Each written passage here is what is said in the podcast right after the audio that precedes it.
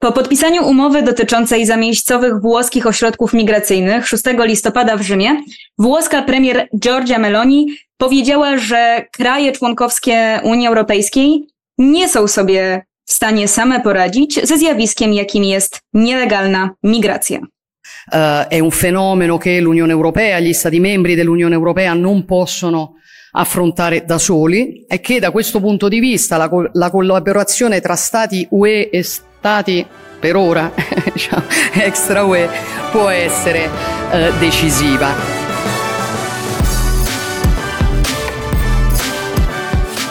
To jest Europa na krawędzi.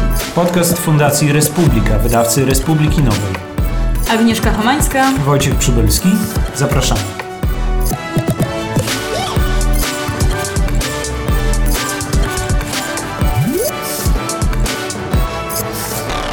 Włoskie ośrodki migracyjne, o których e, premier Włoch rozmawiała z premierem Albanii, Edim, Edim e, Ramą, e, powinny ruszyć od wiosny 2024 roku i to mają być generalnie dwa ośrodki. Pierwszy miałby służyć do przyjmowania identyfikacji i też kontroli bezpieczeństwa nieregularnych migrantów, a w tym drugim mieliby oni czekać na rozpatrzenie ewentualnych wniosków azylowych.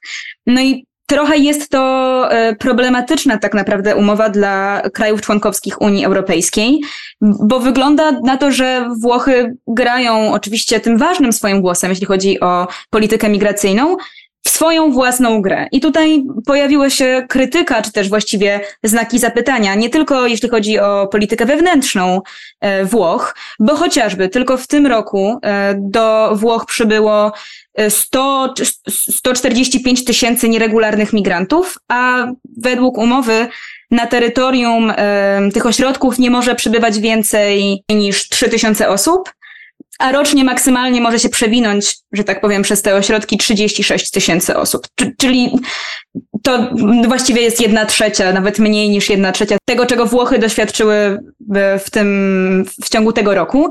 Mm, a na przykład w ocenie komisarz Rady Europy do spraw e, praw człowieka to porozumienie wcale nie jest takie dobre, ponieważ, i tutaj cytat, eksterytorialny system azylowy charakteryzujący się wieloma niejasnościami prawnymi może przysporzyć pewne problemy.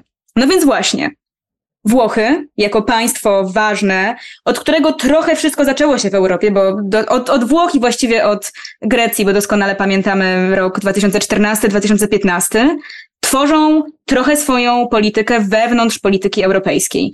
A co na to inne kraje? No właśnie, bardzo dobrze scharakteryzować ten problem. Jest to problem nie tylko typowo włoski i grecki, chociaż tam jest wyjątkowa specyfika ze względu na przybywających migrantów drogą morską, to już później mówimy o zjawisku, które jest bardzo powszechne w całej Europie przechodzenia dużych ilości osób przez granicę, często nielegalnie, często przy pomocy zorganizowanych grup przestępczych, przemytników, którzy zapewniają ten, nawet są opłacani z góry przed e, przyjazdem osób e, na terytorium e, Europy do Europy, tej geograficznej Europy, niekoniecznie politycznego projektu Unii Europejskiej. No i e, widzimy, że w wielu państwach, e, tak jak właśnie we Włoszech, wydolność systemu, wewnętrzna wydolność systemu instytucji państwa nie jest wystarczająca, żeby e, ruch migrantów i umiejętne oddzielenie tych, którzy potrzebują rzeczywiście i mają, mają prawo też pobytu e, w państwie, w którym będą bezpieczni na gruncie praw człowieka, będą uciekali często z miejsc objętych wojną albo prześladowaniami, można oddzielić od tych, którzy po prostu korzystali z okazji, opłacili e, często bardzo sowicie właśnie drogi przemytnicze i dostali się dlatego, że szukają okazji do zarobkowania na terenie Unii Europejskiej i dalszego rozwoju. Często są to już migranci, którzy szukają połączenia ze swoimi rodzinami, e, które, które znajdują się na terenie Unii Europejskiej. To zjawisko nie jest e, w Europie nowe. Sami możemy powiedzieć, Polacy jesteśmy migrantami, jesteśmy narodem migrantów, którzy migrowali przez stulecia na przestrzeni całego kontynentu europejskiego i międzynarodowo. Więc w jakimś sensie jest to doświadczenie nam bliskie, naszym rodzinom, naszym, naszym znajomym, ale z drugiej strony niepokojące, dlatego że prowadzi do poczucia utraty kontroli nad granicami. Tu pojawiają się bardzo ostre pytania. Więc z jednej strony są to pytania o ochronę granic zewnętrznych Unii na terytorium e, Włoch i Grecji. Mówimy o ochronie przede wszystkim granic morskich, ale właśnie z, na granicy z Białorusią i e, z Rosją mówimy o e, barierze, która ma powstrzymywać zorganizowany przemyt za pomocą oficjalnych służb E, tych państw na teren, e, na teren Unii Europejskiej, co więcej z intencją, by destabilizować system polityczny u nas i w całej e, Unii Europejskiej. I z drugiej strony jest to wyzwanie, które, o którym no, wszyscy wiemy, że przy masowej, masowej skali tego zjawiska może dojść do tego, że wewnętrzny system zdrowotny, szkolny, który pomaga w adaptacji, w e, przyjmowaniu takich e, osób do, e, do, do społeczeństwa de facto i pomaganiu w im zakorzenieniu się, za, zaadaptowaniu i dostosowaniu do naszych norm i, i praktyk demokratycznych, społecznych, rynkowych, no czasami napotyka na granice wydolności. Tutaj bardzo wyraźnie łączy się to z tematami politycznego zagrożenia, które z punktu widzenia e, wyborców niemieckich właśnie osiągają apogeum. Temat migracji u nas w Polsce praktycznie nie zaistniał poza jednym punktem i tutaj nawiążemy do e, dyskutowanej i niebawem przyjmowanej na terenie Unii Europejskiej nowej polityki azylowej, e, imigracyjnej, nowego paktu migracyjnego, a, ale, w, ale w Polsce mało, kto tym, mało kto się tym przejął. Natomiast w Niemczech najbliższe wybory, tak zresztą jak w wielu innych państwach, zapewne pokażą, że te partie, które budują swój przekaz wybitnie na mm, poczuciu zagrożenia właśnie tym zjawiskiem niekontrolowanej migracji, nawet nie chodzi o nielegalną, ale niekontrolowany napływ dużej ilości osób do, spo, do społeczności niemieckich, miast, miasteczek, to, to temat wybuchowy i bez w gruncie rzeczy polskiego głosu także w tej debacie, dlatego że Polska kontroluje granice e, zewnętrzne Unii Europejskiej. Tego, e, tego problemu rzeczywiście jako pojedyncze państwa Unii Europejskiej, tak jak Georgia Meloni powiedziała, nie da się rozwiązać. Pytanie tylko, czy, czy Georgia, Georgia Meloni oferuje rozwiązanie poziomu europejskiego, czy takie bardzo partykularne, indywidualne, takie, które no właściwie widzieliśmy, e, do, dobijanie targu z pojedynczymi państwami, które rodzi z kolei następne problemy. To może co, porozmawiamy i powiemy o czym, o co chodzi w tym pakcie, europejskim pakcie migracyjnym, który rzekomo miał być zawetowany przez e, ustępującego premiera e, Morawieckiego w, na, na szczytach Unii Europejskiej, a tak naprawdę było to kłamstwo. Ten, e, ten, ten, ten dokument, ta agenda unijna nie została przez Polskę ani Węgry zawetowana. Były, były protesty, werbalne protesty i, i podnoszenie takich kwestii e, naszej suwerenności, która rzekomo miałaby być tam naruszona, ale ani do naruszenia suwerenności Polski w ramach tego nowego paktu wcale nie ma dojść, a co więcej, Unia Europejska ma uzyskać dzięki nowemu paktowi migracyjnemu większą kontrolę jako kolektyw państw europejskich nad, e, nad e, właśnie procesem przyjmowania mm, e, obsługi, obsługi prawnej też co do decyzji, co zrobić z takimi osobami, które przekraczają granice, taki, instrumenty kontroli tej sytuacji. Więc to jest w jakimś sensie odpowiedź na postulat, o którym usłyszeliśmy od Georgia Meloni, mówiący na przykład o powołaniu europejskiej bazy danych, ujednolicenia tej bazy danych, tak żeby odciski palców jednej osoby znajdowały się e, natychmiast w całej bazie Unii Europejskiej, a nie tylko w poszczególnych państwach, żeby dokonywać e, oceny aplikacji ze względu na osobę, a nie same papiery, dokumenty. Często jedna osoba aplikuje w różnych miejscach, mm, a, a przez to wydłuża procesy decyzji danych państw członkowskich. Więc chodzi o mechanizmy koordynacji współpracy w tym zakresie. No i e, jest też tam taki element e, wymuszonej solidarności, a więc e, wymuszenia na państwach, nie takich jak Polska, ale takich, które w jakimś sensie są bezpieczniejsze pod względem zewnętrznych granic Unii, są państwami środka, są w środku, e, mają, mają wszystkie granice z innymi państwami Unii, a nie są to granice zewnętrzne. Te państwa mają się solidaryzować, a więc e, udzielać pomocy osobowej, technicznej, zaplecza, ale także finansowej w przypadku, gdy do państwa e, zewnętrznego, takiego jak Polska, Włochy, Grecja, Hiszpania, nagle zaczyna przy, przybywać e, bardzo dużo osób, które poszukują azylu, które, które chcą uzyskać status e, uchodźcy.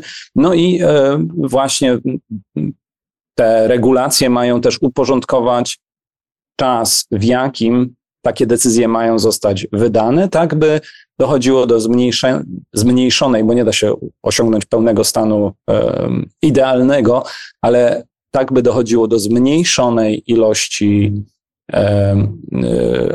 naruszeń zewnętrznych granic Unii, no i w związku z tym dodatkowych, powiedzmy to sobie tak, z jednej strony kosztów obsługi, ale z drugiej strony też kwestii bezpieczeństwa, bo musimy wiedzieć, kto na teren Unii Europejskiej przyjeżdża. Mm, żeby to zrobić, musimy mieć pełną informację i tą informacją się dzielić z partnerami w Unii Europejskiej. Więc do, do, do tego właściwie zmierza dyskusja w Europie.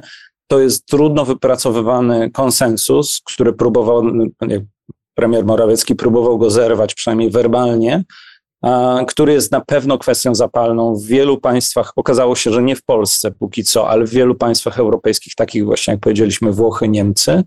No i co do którego rzeczywiście potrzeba więcej Europy, a mniej egoizmu narodowych e, państw, które, no tak zresztą jak widzimy po zachowaniu Viktora Orbana, nie radzą sobie z kontrolowaniem własnych granic i przez granice Węgier od wielu, wielu lat przebywają, e, przybywają do Unii Europejskiej osoby właśnie przemycane e, w zorganizowany często sposób i trafiają dalej do, e, do Niemiec. E, z tego powodu granice słowacko-węgierskie były dodatkowo kontrolowane. Ostatnio Polska też wprowadza bariery na granicy polsko-słowackiej, bo przez Słowację ten ruch miał, miał potem się toczył i był, był najbardziej intensywny, ale też najłatwiej było znaleźć te miejsca e, przejść ze względu chociażby na trudności geograficzne, które muszą pokonać ludzie prze, przemieszczający się w głąb Unii Europejskiej.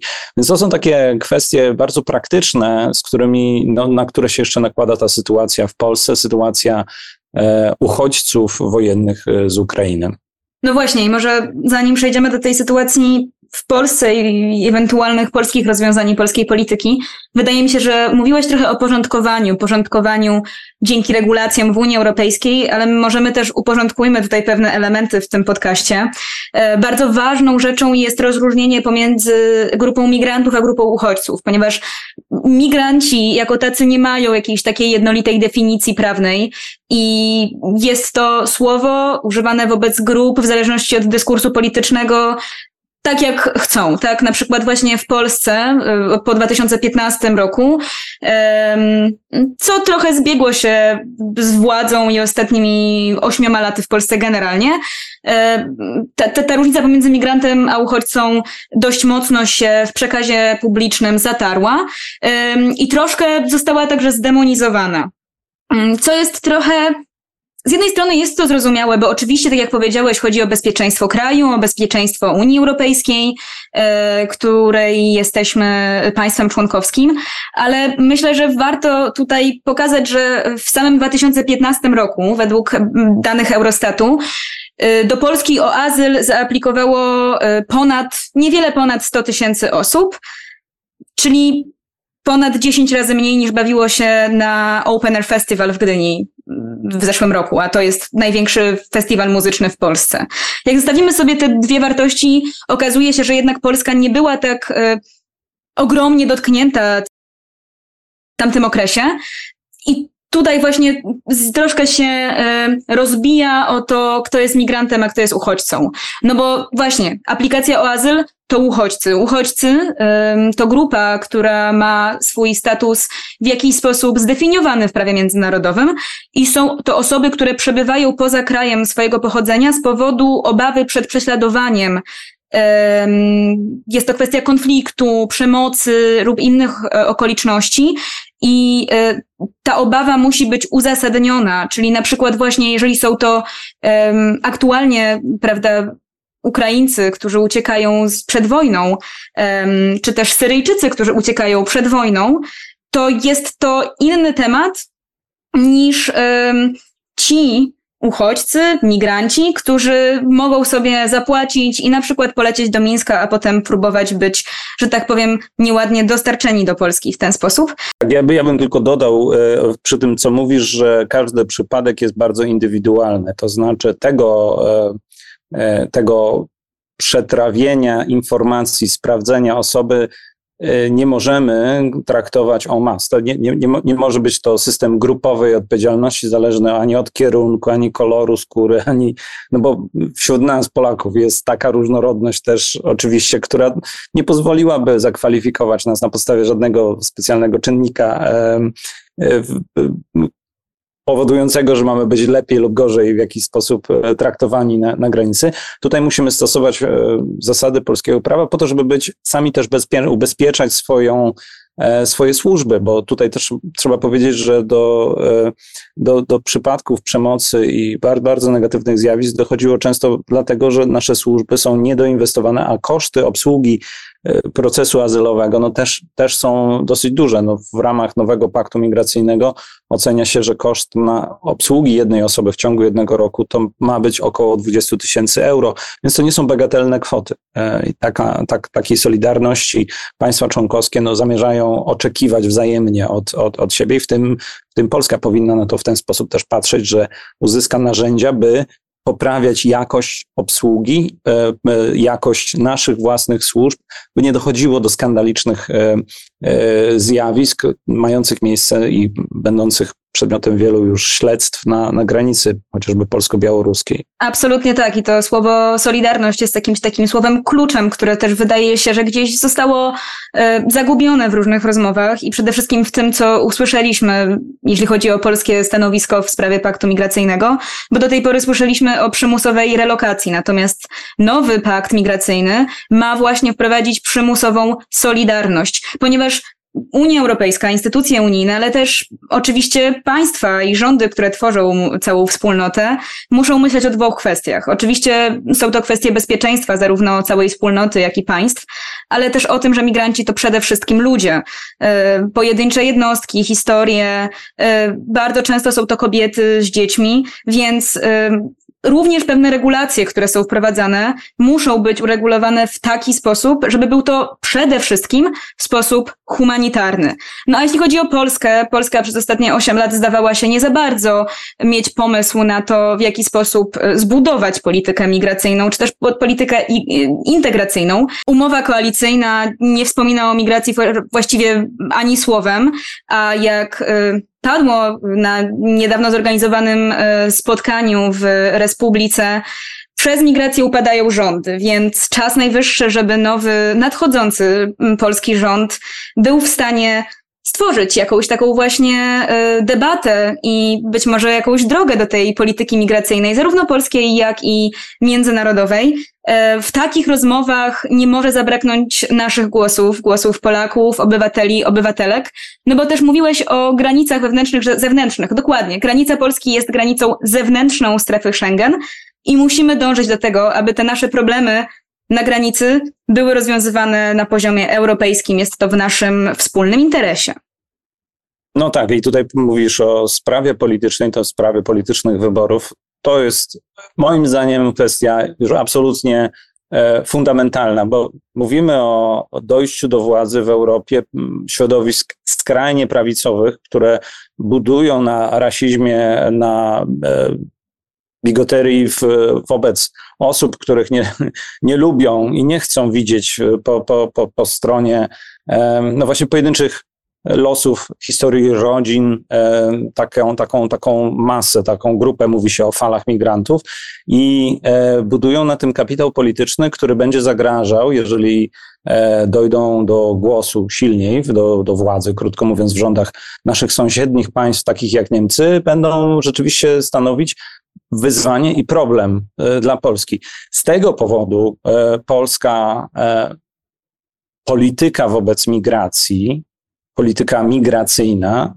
przede wszystkim kierowana względami bezpieczeństwa, a w drugiej kolejności także kwestiami potrzeb rynku pracy, potrzeb które są rzeczywiście e, manifestowane przez wielu przedsiębiorców, potrzeba dodatkowych osób z odpowiednimi kwalifikacjami i często na rynku pracy no, posługuje się e, osobami, które są gotowe przyjąć niższe pensje też. To też nie jest do końca uczciwe, ale zostawmy ten, ten ekonomiczny aspekt na boku. Kluczowa kwestia jest odzyskanie kontroli i bezpieczeństwa państwa, której myślę, że nie da się, i to powiedzmy sobie wprost, uzyskać poprzez takie przemocowe i odgórne stosowanie jakichś zon, e, stref wykluczenia, stref braku dostępu, tylko możemy je odzyskać poprzez współpracę mm, jednostek państwa e, służb mundurowych z, mm, po pierwsze, w otoczeniu prawnym, które zapewnia bezpieczeństwo tymże służbom co do podejmowanych decyzji, kiedy wiedzą, jakie są te ramy powszechnie akceptowalne, ale też w porozumieniu z e, organizacjami pozarządowymi, które powinny być w ten proces od początku włączone, nie traktowane jako